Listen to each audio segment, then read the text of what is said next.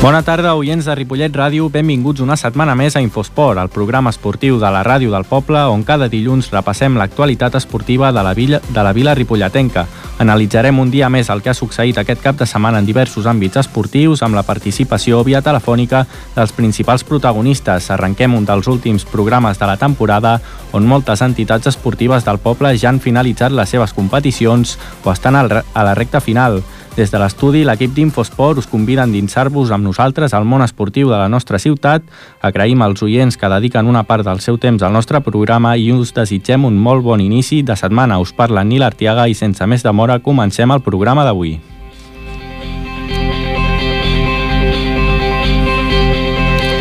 I comencem com gairebé cada setmana parlant del club de tennis taula que ha disputat un nou torneig a casa nostra aquest cap de setmana. Per ampliar la, la informació tinc el meu company, en Marc Mata. Bona tarda, Marc. Bona tarda. Aquest cap de setmana s'ha celebrat un nou torneig. En aquest cas es tracta del Campionat de Catalunya a la vi juvenil d'aquest esport, que té una llarga tradició i que s'ha celebrat a la nostra ciutat. La bona organització d'aquests campionats de Catalunya està garantida gràcies a la tasca que realitza el Club Tenis Taula Ripollet. Des de la seva fundació, fa ja 62 anys, l'any 1954, el club ha, ha treballat de valent sobretot l'esport base, amb moltes generacions de nens i nenes que han passat per l'entitat i han pogut gaudir d'aquest esport.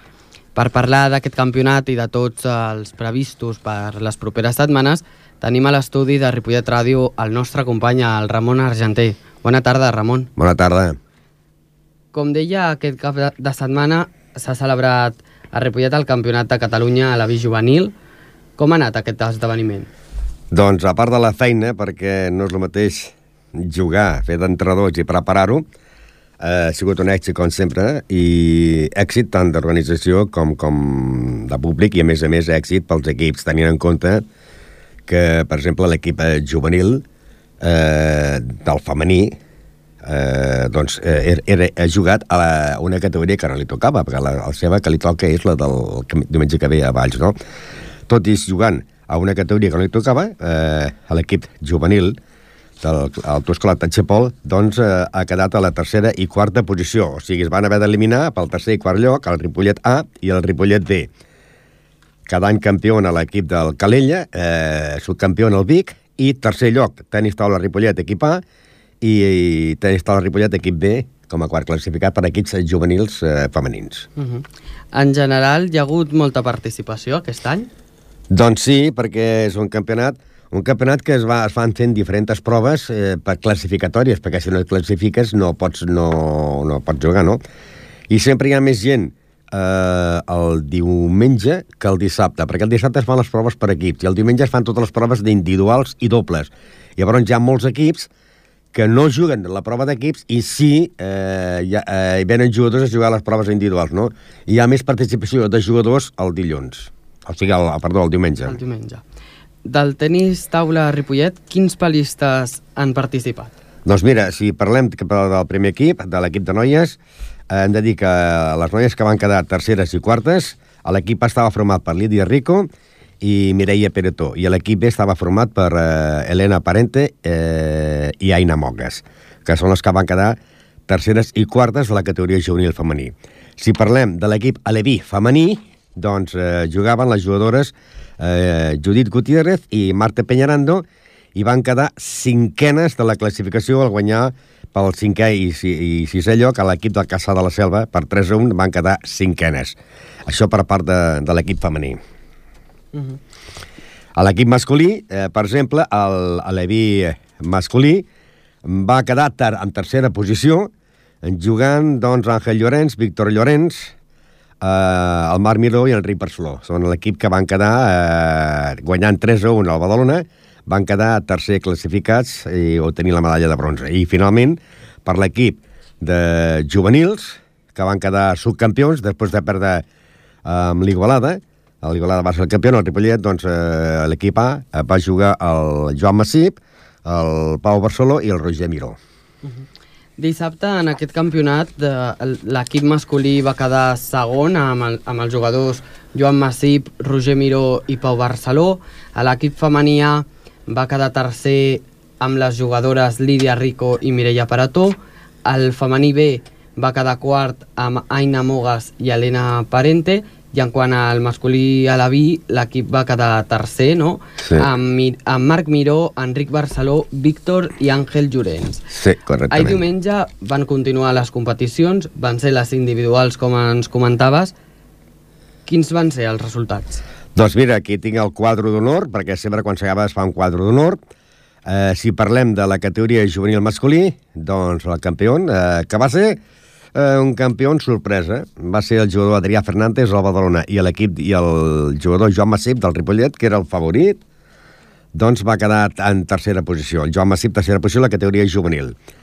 A la categoria juvenil femení, doncs la Lídia Rico, que és infantil, eh, va quedar tercera, i per davant va quedar la, a, Alba Fernández del Calella i Anna Garcia, que és una jugadora que està en, a, en la car de Sant Cugat i que està jugant amb el Vic, eh, i que són juvenils. I llavors la Lília Rico, que és infantil, va quedar en la tercera posició. Això pel que fa a l'Ibi femení. Per què fa a l'Ibi masculí, amb, amb parella de dobles, doncs eh, van formar parella Enric Barceló i David Roca i van quedar tercers, te- obtenint medalla de bronze. A la categoria de dobles juvenils femenins, Lídia Rico, eh, formant parella amb Mireia Peretó, doncs van eh, obtenir la segona posició. I la tercera posició, també en dobles, va ser per eh, les dues del Ripollet. Eh, Elena Parente i Aina Mogues van quedar terceres. I per què fa, finalment, l'equip en masculí eh, va quedar en tercera posició, mentre que la juvenil masculí va quedar en segons. O sigui que van tenir un total d'unes 10 medalles. Els premis van estar a càrrec de dissabte del, del regidor d'Esports, Ramiro Moldes, Moldes, i ahir diumenge de l'alcalde. Sí, el Josep Maria Osuna, acompanyats doncs, del president del club, eh, Romà López, i del president de la Federació Catalana, Joan Arnau. Uh -huh. es, des del club esteu satisfets amb els resultats que ha assolit el club en aquest campionat? Sí, sí, si tenim en compte que, tornant a dir que, per exemple, la, amb l'equip de noies, la Totatxer Pol, són infantils i jugaven una categoria que no els hi toca. Llavors, si hi ha una categoria que no els hi toca jugar, que saps que no pots quedar campió perquè estan jugant contra noies juvenils d'últim any, doncs eh, fer pòdium ja és un èxit. Eh, el fumut seria que diumenge que ve, que es va a Valls, que és la seva categoria infantil, que no fessin pòdium en la seva categoria infantil, no? Però clar, hi ha moltes sorpreses, no solament entrenar diàriament al Ripollet, sinó que els, més clubs també entrenen fort, fort eh, cada dia. Eh? Mm. La prova està que hi va haver un pòdium que està treballant molt bé a Girona, hi va haver un pòdium que tot va ser jugadors del Girona. La setmana passada ens vas explicar en, a, en aquest mateix programa que hi han previstos més campionats. Parles una mica d'aquests campionats. Mira, eh, la setmana passada hi va haver el torneig d'Esparreguera, eh, que era el Campionat de Catalunya per a categoria Benjamins, on van quedar també tercers, amb nois. Eh, eh, aquesta setmana es disputa a Valls, a Tarragona, durant tot el dissabte, les proves de les categories i sub-21 per equips. I el diumenge serà les mateixes proves, eh, però eh, per individual i dobles, tant en categoria femení com en categoria sub-21. Nosaltres tenim esperances de que tant per equips el Ripollet pot fer pòdium i per individuals el Ripollet, estem parlant d'infantils, podem fer pòdium. El sub-21 ja és més, més complicat, no? Però jo crec que comptant amb la Porta i comptant amb el Raül i amb el Roger, doncs eh, podem arribar a fer pòdium també a sub categoria sub-21. Uh -huh. Això serà el di, di, diumenge i, i dilluns, o sigui, dissabte, proves per equips, diumenge proves per individuals a Valls, a Tarragona. Aquests campionats són molt, tenen molta expectació? Ve molta gent a veure'ls? Sí, perquè només has de comptar que com que la majoria d'equips infantils els jugadors venen acompanyats dels pares, dels mentre els pares i els familiars, ja, ja això ja omple, ja omple un pavelló, no? O quasi omple un pavelló. Llavors hi ha aquells passavolants que veuen una, una pancarta fora que posa Campionat de Catalunya, oi? I entren i, i hi ha gent que els agrada, i sí que hi ha gent que no els agrada, i no sí que hi ha gent que els agrada i va fent bé el matí, jo aquí a vaig comprovar que venia gent que venia al matí, van a venir a la tarda i van anar venint cada dia, que no venen habitualment a veure els partits. Però, clar això era una novetat al veure, doncs, en una sala 16 taules i tot nanos jugant a ping-pong, no? Uh -huh. Ara parlant de la temporada, ha estat una temporada excepcional pel club aquest any. Què suposa pel club tenir l'any que ve quatre equips a categoria nacional? Sobretot molt gasto. Molt gasto perquè, perquè pensa que l'any que estàvem jugant a Divisió d'Honor, amb noies, l'únic equip català era el Ripollet. El també tots eren viatges fora. Aquest any, l'equip de Divisió d'Honor, que han tingut la categoria, només hi havia tres equips catalans, el Ripollet, el Calella i el Borges. La resta tot era Galícia. Eh, I ara aquest any, clar, els nois jugaran a Divisió d'Honor i les noies jugaran a Divisió d'Honor i només haurà... Eh, eh, actualment hi hauria només el Ripollet, hi hauria el Reus i el Falcons de Sabadell que, han baix, que ha baixat de categoria. La resta seran tots de fora. Vull dir que tindrem un desplaçament a Sabadell i una a Tarragona, però els de més fora de Catalunya. Clar, això suposa que, que, que... I a vegades són dos partits, perquè si vas a Pontevedra, i inclús aquesta temporada a Pontevedra s'han fet tres partits. Jugar a Pontevedra i fer dos partits a Lugo, no? Llavors, depèn del grup, eh, doncs eh, pot costar més o pot costar menys, perquè si vas amb avió eh, val un preu, però si vas en cotxe i t'has de quedar en hotels, mm, té, té, clar, i és, és cara. Llavors ha la segona nacional, bueno, clar, hi hauria divisió d'honor masculí i divisió d'honor femenina. I llavors està la segona nacional. La segona nacional pot tocar un grup que sigui tot Catalunya o Catalunya, Aragó i Catalunya, Mallorca que també vulguis o no, ja, clar, no hi pots anar nedant. Diu, ah, cap de setmana nedant a Mallorca, no, has d'anar a avió amb avió, no? Clar, i que si hi hagin dos equips de Mallorca també es fan dos partits, un el dissabte i un el diumenge, que vol dir que t'has de quedar a dormir a Mallorca. Clar, això no ho sabem fins fins a octubre, que es comencen les lligues. Sempre pots demanar al grup, no? Però, de vegades, clar, tothom demana el millor i, clar, la federació no pot concedir tot el millor. Clar, aquestes, aquests, aquestes categories, estar en aquesta categoria, genera molts viatges, el club es pot permetre econòmicament fer aquests viatges? Mira, traien diners de sota les pedres. Sort que tenim dels xiringuitos que es fa per la festa major, sort tenim de que tots els jugadors són socis del club, uh mhm. -huh. paguen, uns entrenadors, paguen una quota de soci, a més a més paguen unes quotes per entrenadors, per dies d'entreno, i gràcies a això i sortejos i, i ahir que fem a fer de, de, de rifes, doncs es va tirant, es tirant, però sempre estem amb els vermells, sempre està un altre de posar calés perquè si no, no s'arriba la temporada. Clar. La setmana passada vau tenir una reunió pel campionat que s'ha celebrat aquest cap de setmana. Vau poder parlar de la propera temporada o no, encara no? No, no, no, perquè com que, esclar, eh, una cosa és dir, ens anar a jugar a Blanes. L'altra cosa és dir, eh, eh, hem de fer el campionat i organitzar-ho i muntar-ho nosaltres, perquè, esclar, els equips de futbol van a jugar amb una bossa nosaltres, per muntar un campionat, has de muntar 16 taules, totes les tanques, taules pels àrbits, marcadors, i desmuntar-ho, perquè l'endemà el pavelló ha d'estar buit per, per entrenament.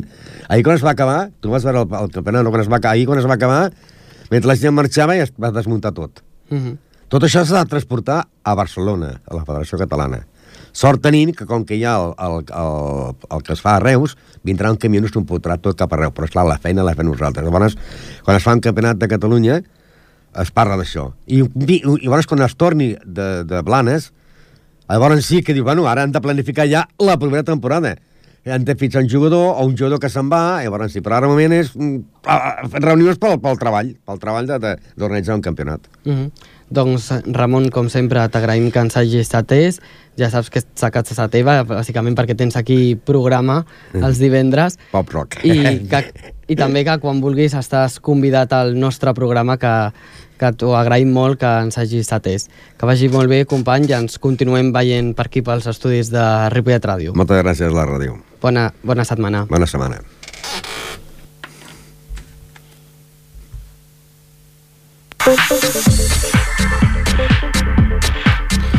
Continuem amb el programa. Moltes gràcies, Marc. Passem ara a la secció de bàsquet. El bàsquet Sant Gabriel va organitzar aquest cap de setmana una nova edició del seu tradicional torneig com cada final de temporada que enguany va arribar a la 36a edició. Des de divendres hi van haver diverses activitats a totes les pistes de l'entitat amb partits masculins i femenins de diverses categories, entre les quals destaca un mini triangular entre equips formats per entrenadors de l'entitat. El torneig ha sigut una bona demostració de la salut del bàsquet local i de la vitalitat del planter planter local que s'ha vist durant la temporada i que ha deixat grans moments com els èxits dels equips femenins o la victòria de Lliga de l'equip cadet, entre d'altres. El bon moment del bàsquet local es va veure reflectit en la participació de prop de 250 esportistes que hi van desfilar des de categoria escola fins a cadet. El torneig va tenir molta dosis de bàsquetbol amb col·laboracions d'exjugadors com Juan Antonio San, San Epifanio, que va donar una samarreta signada, o Tomàs Cofresa, entre d'altres. L'esdeveniment va tenir el seu punt més àlgid amb el tradicional sopar de germanor dissabte a la nit, on unes 600 persones es van aplegar al pati de l'escola Sant Gabriel. També cal destacar un moment emotiu quan el coordinador Albert Ortega va rebre el Premi Fair Play de la Federació Catalana de Basquetbol a tota la seva trajectòria a l'entitat ripolletenca. Per últim, mencionar que després del torneig el bàsquet Sant Gabriel organitza enguany la segona edició del campus que mantindrà l'activitat de bàsquet. Per complementar la informació sobre aquest torneig, tenim en via telefònica precisament un dels grans protagonistes com és l'Albert Ortega. Albert, bona tarda. Molt bona tarda. Bona tarda, Albert. Eh, com, com es va desenvolupar el torneig? En què van consistir exactament? Bé, el, el, el torneig va... el dividim en tres dies, en divendres, dissabte i diumenge. Eh, el, el divendres a la tarda ho engeguem amb uns concursos d'habilitats i de tir, eh, rotllo els que, es pre... els que es fan a la NBA, no? amb habilitats, amb obstacles, amb agilitat, Sí. eh, i, i després amb un concurs de tir doncs, amb, amb diferents posicions, i bueno, un típic de que d'anar llançant i el que més anota en un, en un temps en concret, doncs, doncs, doncs guanya bé. Això és més que res una, una activitat d'una festa que es fa únicament eh, pels nens de l'escola de bàsquet, per divertir-nos, per, bueno, doncs per això, per una festa, per un joc, per una més a més. Eh, més tard juguem al partit de veterans que entrenem cada dissabte, perdó, cada divendres aquí a l'escola, doncs s'ajunta i també tenen el seu racó en el torneig i després doncs, doncs aquest petit show que fem, aquesta petita festa entre entrenadors, on també, doncs, a part d'entrenar, doncs, juguem a bàsquet aquell, aquell mateix divendres.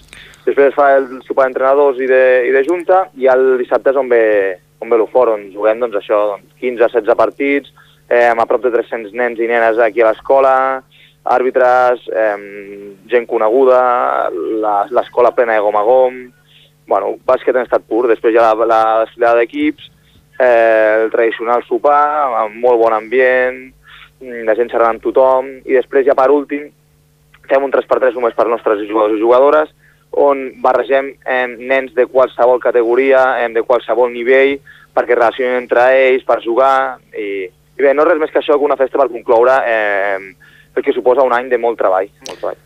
Eh, eh, comentes que, que hi han assistit molta gent. Esteu satisfets amb, amb l'assistència? Ha sigut més exitós respecte a edicions an- anteriors? Sí, sempre exitosa, però potser sí que ha sigut una miqueta més que altres anys. Mm, per exemple, eh, en Ramiro, el regidor d'Esports, ha vingut jo crec que, Sí. que dissabte i diumenge. Eh, bueno, s'ha vist, vist gent aquí coneguda. Eh, la Lucía aquest any no ha pogut, però altres anys sí que s'ha passat, però bueno, fa un mes enrere vam fer una jornada on la Lucía va vindre, vull dir que sí que, sí que ve gent, ve gent que, que ve pel carrer, veu, veu Sarau, s'apropa, veu bàsquet, s'hi queda, mm, molt, molt contents. Això, eh, ho has dit abans, això demostra la salut que hi ha dintre l'escola, la salut en el bàsquet del poble i, i estem molt contents d'això. Uh, aquesta participació de gent eh, reflecteix que, que esteu en un moment de creixement espectacular, no? Sobretot pel que fa al bàsquet local. estem en un creixement espectacular, tu ho has dit, i de fet eh, que hem hagut de, de parlar-ho i dir fins a on podíem créixer. Mm, sense anar més lluny, aquest, eh, en aquesta propera temporada ens obrim a una altra instal·lació. Eh, ocuparem la, la, la instal·lació de l'Institut Can Mas, Sí. perquè aquí ja ja no podíem eh, entrar, no, no, no, no, no en cabíem a tots els equips.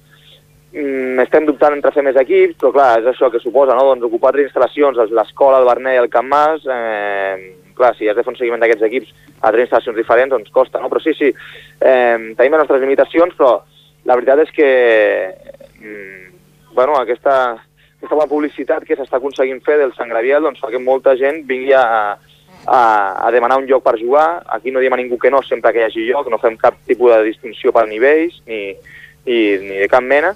I, I bé, estem orgullosos, és una qüestió de fer la feina ben feta, de, de, de fer-ho amb molt respecte, eh, amb molta il·lusió, amb moltes ganes, amb ganes d'aprendre tant jugadors com entrenadors, amb molta diversió. Jo crec que al final tot això es va transmetent i, i les coses, si es fan bé, jo crec que al final la mateixa inèrcia va fent que tot vagi sortint i funcionant. Suposo que estàs satisfet de la teva trajectòria a l'entitat i suposo que satisfet també pel premi que vas rebre del, del Fair Play. Te l'esperaves, aquest premi? Bueno, no, al final és molt protocolari el d'aquest premi, així. S'ha de donar a algú i aquest any m'ha tocat a mi. Però sí, sí que estic, estic molt content perquè són molts i molts, molts, molts anys en aquestes pistes, des de jugador, entrenador i coordinador, i per mi és un orgull, doncs, quan em pregunten d'on vinc, dir que vinc del bàsquet Sant Gabriel de Ripollet. Per mi és, és un orgull. Eh, respecte al teu futur, eh, preveus algun, algun futur al capdavant d'una altra entitat que no sigui aquesta? Mm, bé, no ho sé, segurament estarem, em, estarem ajudant el que puguem al Club Bàsquet Ripollet, a part d'entrenar les noies, mm, a nivell personal esportiu sobre una altra una possibilitat que, que l'agafarem i això m'ha fet eh, que hagi de ser la coordinació aquí. bueno, segurament, és a dir, eh, desaparèixer no desapareixeré. Eh, faig un pas al costat aquí a l'escola, però, ja. però ja et dic, estaré donant un cop de mà.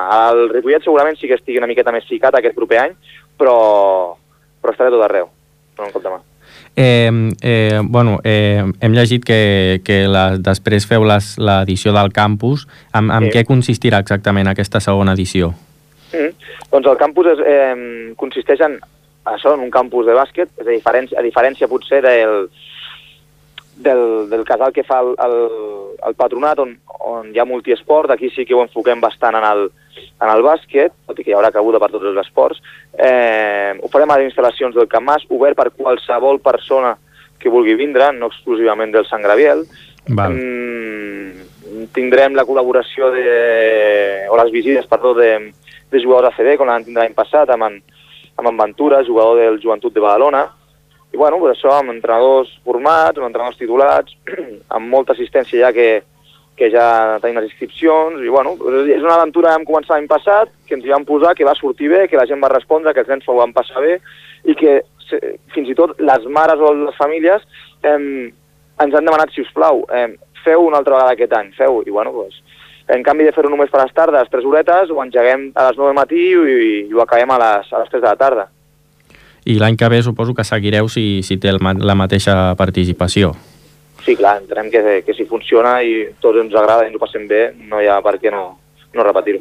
Doncs esperem des d'aquí que, que tingueu el mateix èxit que, que sempre i que el, el bàsquet del poble ens segueixi portant tants èxits com, com aquesta temporada. Moltes gràcies, Albert, i et truquem una altra setmana.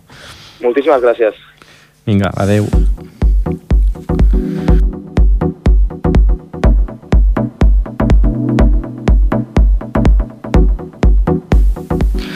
Doncs anem seguint amb el programa, passem ara al futbol, on hem de parlar de la malaurada derrota del Ripollet al camp del Palafolls en el play-off de descens a primera catalana. El meu company, en Marc Mata, ens amplia la informació. Bona tarda. Dissabte a la tarda es va disputar el partit d'anada de la promoció d'ascens a primera catalana en el Palastàdium Lluís Moliner, un partit en el que el Club Futbol Ripollet va perdre contra el Club Deportivo Palafolls per 0 a 1. En el Palastàdium hi havia molts aficionats amb dos equips, però també hi havia uns quants mitjans de comunicació que estàvem allà per fer el seguiment del partit. Els ripolletens van poder tornar a comptar una setmana més consecutiva amb l'animació de la colla de Diables de Ripollet i amb uns 200 aficionats roig i negres. Des de Ripollet van sortir dos autocars plens d'aficionats. El maig va començar amb dos equips que sortien a guanyar el partit i assegurar, a més, l'ascens a primera catalana. Tot i així, els ripolletens eren els qui van dominar el partit. A 8 minuts del partit va haver un espectacular cop de cap de l'Hector, jugador del Ripollet, a la sortida d'un córner refusat per l'Oriol, el porter local, que novament va anar a parar a córner. En el minut 12 es va produir un llançament de falta, cop de cap de l'Enrique, jugador del Ripollet, que va treure el porter del Palafolls amb molts problemes i que va ser la segona oportunitat per avançar-se al marcador. Quatre minuts després va haver una rematada de Loren, jugador local, a fora del camp. Després d'un control dels vermells, va haver una aproximació dels de Palafolls. En el minut 23 va arribar el primer xut dirigit a porteria per part del Palafolls i el joc va baixar d'intensitat i cap dels dos equips va marcar, va marcar gol. En el minut 28, Massa, jugador del Palafolls, va estar lesionat i va estar substituït per l'Isaac. La primera targeta groga no va trigar en arribar i en el minut 32 l'Hèctor la va rebre i va haver falta a favor dels maresmencs. Sis minuts després va haver una falta lateral perillosa que va ser favorable pels locals. La festa continuava sense parar en el Palastàdium i els de Juan Carlos van fer una falta semblant a l'anterior com la del Palafolls, sense generar perill en el minut 41. En el minut 45, David Mancheño, jugador del Palafolls, va xutar des de la frontal i la pilota va anar a parar molt alta. En, en menys d'un minut, dos xuts, però sense estrenar marcador per cap, de, per cap equip. En el minut 20, 49, el Ripollet, en el minut 49 el Ripollet va sortir intens en aquesta segona part i el Xema va xutar alt. En el minut 56, el Palafolls va rebre la seva primera targeta groga de tot el partit pel Víctor. Els locals protestaven per una acció que va semblar totalment neta. En el minut 66 va haver una remuntada de Moja, jugador del Ripollet, molt forçat, pilota sense problemes a les mans del porter local i continuava l'empat a 0. Els locals no trobaven cap forat per superar la defensa que feien els ripolletens. Les jugades més clares del Palafolls van ser en el minut 71, quan Loren la va centrar i el Sergio Cano, porter ripolletenc, la va aturar. En el minut 75 va arribar el primer gol dels eh, locals en una acció a pilota aturada. En el minut 78 el Xema va intentar marcar gol i en el 86 els maresmencs van rebre la segona targeta groga per l'Isaac i els locals intentaven marcar gol. En el minut 60 els ripolletens van marcar gol, un gol que va ser anul·lat per l'àrbitre. Al final del maig, els tècnics amb dos equips, Juan Carlos Torres i Josep Maria Matas, i dos jugadors, Xema Aznar del Ripollet i David Mancheño del Palafolls, van atendre a la premsa en els que es trobaven els micròfons d'Infosport. El Xema valorava el partit i explicava com esperaven que anés aquest partit. Bueno, sabíamos que iba a ser un partido muy difícil.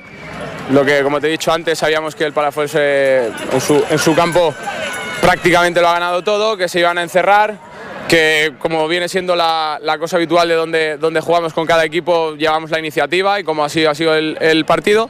Y bueno, una jugada aislada donde, donde bueno, el Linier ha, ha, visto falta, una falta al borde del área que bueno, han, conseguido, han conseguido el gol y bueno, y nada, toca ahora remar en, en campo propio y con nuestro apoyo de nuestra afición a ver si podemos conseguir el, el sueño de la primera catalana. El Ripolletenc també feia menció de l'afició. No, por suerte tenemos una, una grandísima afición donde, donde, donde vamos siempre nos apoyan y bueno, gracias a ellos también hemos, hemos en la liga regular hemos quedado segundos y bueno, y como te he dicho antes, bueno, eh, esperar a la, a la semana siguiente con muchas ganas y a ver si podemos darle la vuelta al marcador y poder conseguir el, el objetivo de, que nos marquemos al principio de temporada. Per últim, el jugador ripolletenc ens explicava quines expectatives tenen pel partit de dissabte vinent que jugarà en el municipal.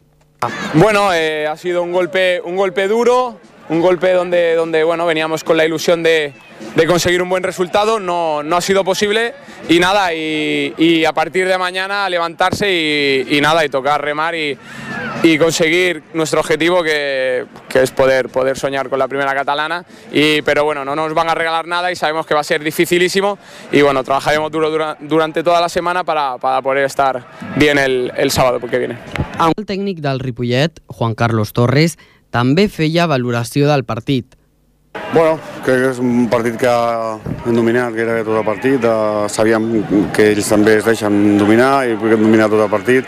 Començament hem tingut dues ocasions molt clares, molt clares de gol, crec que una, només que hagi, hagués entrat una, el cas és que no, no les hem marcat, després hem continuat dominant, ells gairebé no, no han arribat a porteria. Hem tingut després arribades sense claredat, però hem tingut algunes arribades, la segona part també ha sigut el mateix, el mateix tono, i bueno, una falta bueno, que, que dubtosa perquè ja no ha passat res i bueno, ens han tret el gol de falta i bueno, ara toca suar molt. I també ens explicava com plantegen el partit definitiu per l'ascens a primera catalana del proper cap de setmana. Pues, igual que aquest, vull dir, ja sapiguem quines són les nostres armes, de, de, de, del tipus de joc que volem i, i bueno, l'apretarem al màxim perquè a casa apretem molt i, i, bueno, i sapiguem, sabem que és un rival difícil perquè deixa pocs forats, perquè es tanca molt bé i aprofita les seves armes, no? intentarem, intentarem treure-ho i per, per esforç dels jugadors no serà com heu vist avui que s'han deixat l'ànima. No? Josep Maria Matas, tècnic del Palafolls, explicava com es planteja un partit de promoció sense tenir cap tipus de dades de l'equip contrari. Aquesta setmana realment hem anat bojos, eh? intentant, intentant aconseguir una mica d'informació del Ripollet. Ara li comentava un company teu, nosaltres sabíem que, bueno, toqués el rival que ens toqués a la promoció, no seríem els favorits, perquè som un equip amb l'equip que som, però clar, no, no vam tenir sort. Jo tots els informes que tenia el Ripollet em deien que era un equipàs, que era un autèntic equipàs, fet per pujar, i que a més a més estava molt ben entrenat i que sabia realment el que jugaven, i m'ho han demostrat en el camp. Ha estat un típic partit de promoció. Vull dir, nosaltres no ens hem trobat massa còmodes, els primers, a la primera part i inclús el primer quart d'hora, 20 minuts de la segona part, han marcat el ritme del partit, o sigui, han marcat el ritme del partit del Ripollet, jo no m'acaba de trobar còmode. Sí que és cert, a partir del minut 60, amb el canvi que hem fet nosaltres una mica de canvi de sistema, ens hem posat una mica al partit, hem tingut una mica de sort perquè una jugada d'estratègia ens hem posat 1 a 0, quan ells a la primera part havien tingut dues i per això tenim l'Oriol per casa de pari, i bueno, l'1-0 pues, llavors sí que ja ens hem posat nosaltres bé i al final del partit, els últims 5 minuts hem patit una mica en pilotes penjades i tal perquè el resultat era bo però quan hem patit menys precisament han sigut els últims 20 minuts Matas explicava també què pot millorar l'equip maresmenc per, pel partit de tornada. Serà un partit molt complicat. Vull dir, jo et dic, abans de la promoció el favorit era el Ripollet. Jo crec que segueix sent el Ripollet, però sí que és cert que mantenir la porteria zero aquí a casa ens dona alguna opció. Què farem nosaltres al Ripollet? Sabem que serà molt complicat. Sabem que serà molt, molt, molt complicat. Anirem allà i a fer el que hem fet durant tot l'any, a competir.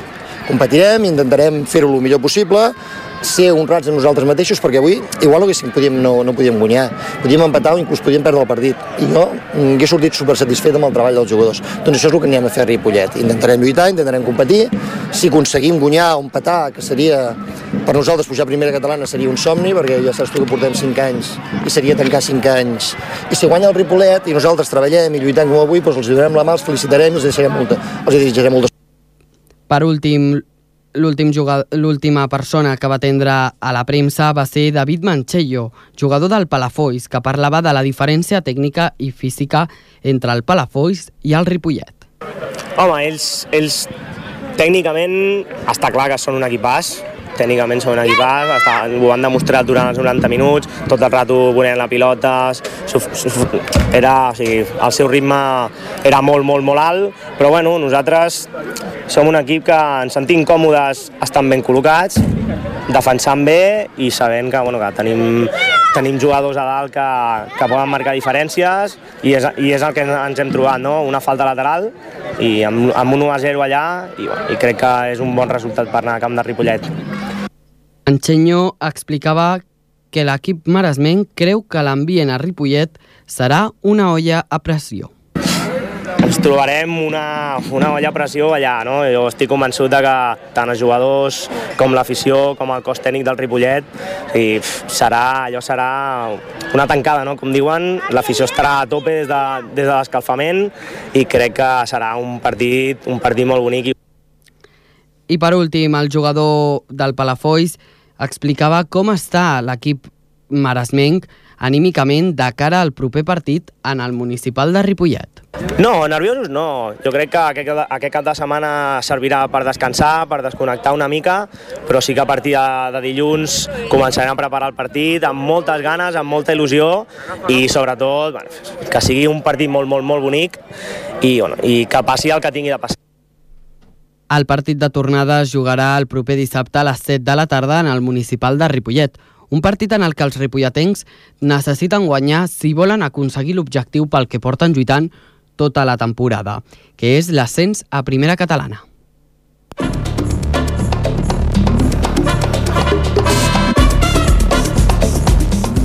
Comencem a enfilar la recta final del programa ja. Parlem ara de karate, que aquests últims dies està adquirint força protagonisme al poble. A mitjans de maig, a València, València va acollir un campionat internacional de karate Kyokushinkai, la Copa València 2016. Entre les desenes de competidors van destacar dos esportistes del gimnàs galí, Joan Carles Rufo, que va guanyar la categoria cadet de fins a 60 quilos, i Emilio José Redondo, que va finalitzar la segona posició de la categoria sènior de més de 80 quilos. Per altra banda, en el Campionat de Catalunya de Físic-Culturisme celebrat a Pallejà va destacar l'atleta Albert López Sánchez, que es va penjar la medalla de plata a la categoria sènior per a competidors d'entre 75 i 80, qui i 80 quilos. El dia 25 d'aquest mes, el Gimnàs Gali ha organitzat un campionat d'Espanya que acollirà la vila ripolletenca durant tota la jornada. Per ampliar la informació, tenim al nostre davant a César Rufo, entrenador del Gimnàs Gali. Buenas tardes, César. Hola, buenas tardes. Eh, ¿Cómo fue la preparación para este campeonato de, para la Copa Valencia? Bueno, es muy, muy intensa porque hay muchísimo nivel y ya lo dice la palabra, al ser internacional venían de, de otros países y el nivel que hay en el mundo del karate, gracias a Dios, es muy, muy alto y muy exigente y, y el entreno era muy, muy duro. Satisfecho, supongo, con el resultado. Pero, notablemente, porque era muy difícil conseguir algún podio y bueno, eso es un resultado de un buen trabajo. Supongo que los jugadores eh, deberían pasar eh, muchas fases, ¿no? Muchos combates. Correcto. En la categoría de cadete, Joan Carlos Rufo peleó, tuvo que estar combatiendo durante cinco rondas. Eso es elevado y el nivel de exigencia también muy fuerte y te vas menguando, tienes que llegar a un nivel físico psicológico muy muy alto. ¿Y cómo se trabaja este este trabajo mental? Sí. Pues el día a día, el trabajo del día a día en el gimnasio. Es un trabajo constante y bueno, tiene su proceso. Según el grado que tengas de cinturón y el tiempo que lleves, pues se trabaja de una manera ya establecida. Pero bueno, a máximo nivel, eh, la exigencia como es tan alta, pues en todos los aspectos que trabajes, tanto el tema técnico y físico, eh, tiene que ser más allá de lo que uno se que, pueda llegar y mantenerlo. Porque decías en una entrevista a la revista de Ripollet precisamente que la filosofía del karate se basa en, el respeto hacia los otros y sobre todo que es como una canalización de la agresividad, ¿no? Eh, ¿Cómo se trabaja esto con, sobre todo con niños? Sí, bueno, con, depende de la edad, sobre todo. Con los niños hay que tener muchísimo eh, paciencia. paciencia, tacto, porque cada niño es un mundo. Si tú trabajas a un adulto, el adulto más o menos ya es más fácil, pero el niño es más, eh, eh, más frágil en este sentido. Y bueno, a través de los niños, pues con motivaciones. A los niños se le hacen con una, una serie de ejercicios que hay y también con... Yo busco mucho lo, el tema de el juego con el niño, pero al adulto es diferente. Y bueno, el tema, lo que comenté en aquel día que era el tema de la agresividad, era que al karate se le daba la fama de que era muy agresivo, pero es todo lo contrario. Sí. Lo que haces es sacar, el sacar tu propia agresividad, conocerte tú mismo y luego saber hasta dónde puedes llegar y en unos momentos X en la vida, pues que puedas autocontrolarte. Es por eso solo.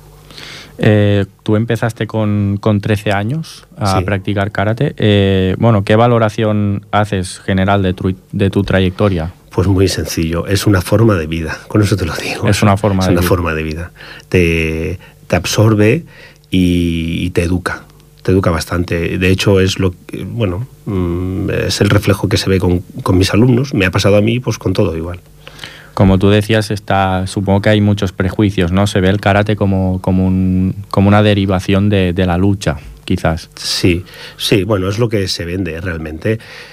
Lo que se ha vendido siempre en el cine, en las películas, la gente que no entiende que, bueno, es lo que ves, la información que le llega y entonces desarrollan su, su estereotipo, pero bueno, eh, en, tiene relación con la lucha. Lo que pasa es que lo bueno del karate en sí es que te ayuda bastante eh, a, a, sobreponerte esos límites que tú tienes y llegar mucho más allá en todos los sentidos, ¿eh? tanto psíquico como físico, bueno, de todo y hasta parte emocional inclusive. Hmm.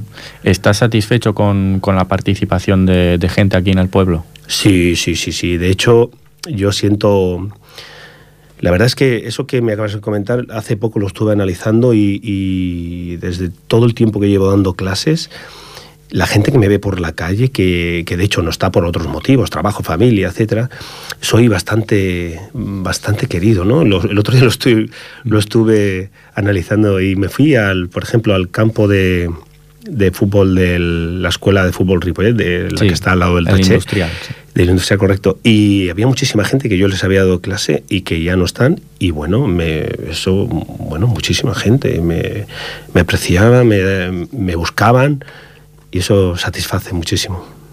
Eh, el día 25 se celebra el Campeonato de España aquí. Eh, ¿En qué consistirá exactamente? Exactamente. El día 25 es el Open de España. Al ser Open significa abierto. abierto.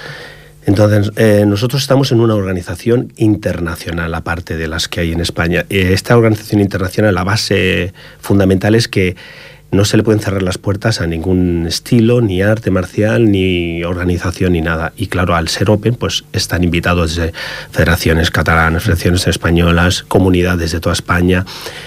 Y el título es Open de España, pero es que las inscripciones están abiertas y están del territorio español, vienen de todas las comunidades de España. Y pero hablando desde la más lejana que es Canarias hasta incluso las de la más cercana que es Cataluña. Pero nos vienen Holanda, Grecia, Italia, Alemania, Chile, o sea, y más países que se están apuntando. Es algo Fantástico. espectacular. Sí.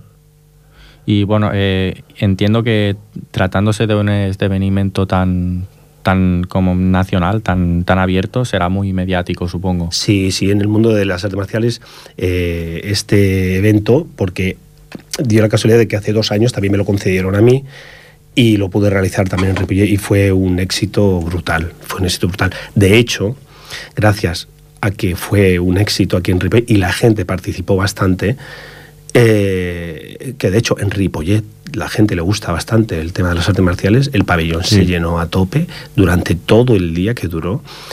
Eh, me concedieron el siguiente campeonato, que era este, pero tuve la suerte de presentar un proyecto a nivel internacional y con el antiguo campeonato de hace dos años atrás, y me han concedido para el año que viene eh, realizar el campeonato de Europa. Cara, y supongo que la gestión de estos tipos de campeonatos no es fácil, ¿no? No, no, no, no. Uf, eso es diabólico. Intentar hacerlo de la manera que uno quiere que sea para el resto de la gente que viene. Porque como yo he sido competidor, yo sé, Sí. cuando, viene a competici- cuando iba a una competición, sé qué es lo que yo quería. Y de hecho es lo que, es lo que estamos dando. En este campeonato de España que vamos a hacer, eh, la parte de lo, lo- lo de siempre, que se dan copas y o medallas dependiendo de las categorías, eh, aparte los sponsors nos han ayudado bastante y, y les vamos a dar productos a todo el mundo. A- a- ¿Estás satisfecho en este sentido de, Sí, de he tenido un apoyo muy bueno, muy bueno, bastante bueno. En este campeonato de España es el pelean desde hasta seis años, o sea que son muy menudos, y de esa edad hasta adultos totalmente. Hacemos kumite, que es combate, y katas. Y la preparación supongo que será la misma que para el campeonato de Valencia, ¿no? Correcto, no hemos parado, o sea, hemos enchufado el nivel. O sea, se ha como... Enlazado el entreno. Enlazado, Sí, ¿no? sí, correcto, correcto. Eh, El nivel que hay en el, en el Gali a nivel de, de, de, de catas está bien, porque hace el año pasado hicimos el campeonato de España de catas y el Gineso Gali quedó campeón también. Y este año en competiciones, lo que es Kumite, estamos teniendo muchos podiums. Pero a nivel seniors, a nivel infantil, cadete, está muy bien. Tenemos de momento un buen, un buen equipo. Un buen equipo. eh, esperáis seguir así, supongo, durante mucho tiempo y, y subir, ¿no? Ir subiendo poco sí, a poco. Sí, porque aparte de todo esto, mm, tenemos la suerte de que alumnos del gimnasio Gali, al tener estos podiums, eh, en noviembre eh, nos vamos a Japón con la selección española. Eh, O sea, eso es un, es un buen Es un reconocimiento. éxito, ¿no? Claro. Vale, pues bueno, César, eh, vamos a dejar aquí la entrevista. eh, vamos a acabar ya el programa. Eh, muchas gracias por, por venir hasta aquí y Gracias atendernos. Y, y otro día te, te invitamos otra vez y hablamos contigo para hablar de más éxitos de, del karate en nuestro pueblo. De acuerdo. Eh, muchas gracias y hasta otro día.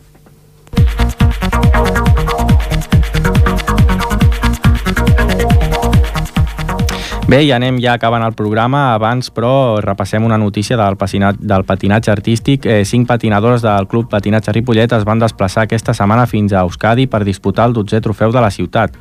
En infantil, la Clàudia Garcia no va tenir rival i va guanyar amb autoritat amb 9,20 punts de diferència davant de la segona. La Iatalla Fet va ser cinquena en aquesta categoria. En cadet, Ivet Ròdenas va ser segona i en certificat, Clàudia Alcaide va guanyar davant de la patinadora local Patricia Moldes. Mireia Sánchez, del Club Patinatge Artístic, va acabar tercera. El club torna així, doncs, amb un total de quatre trofeus a la butxaca. D'altra banda, a Vilar de Cavalls tenia lloc el tercer trofeu d'aquesta vila. En Alaví hi va haver un molt alt nivell i un podi molt disputat que va guanyar l'Elna Francès amb 3 punts més que la segona classificada. En infantil, Aina, Aina Lafuente va quedar quarta i en cadet, Berta Llorca primera i Patricia Quintero tercera.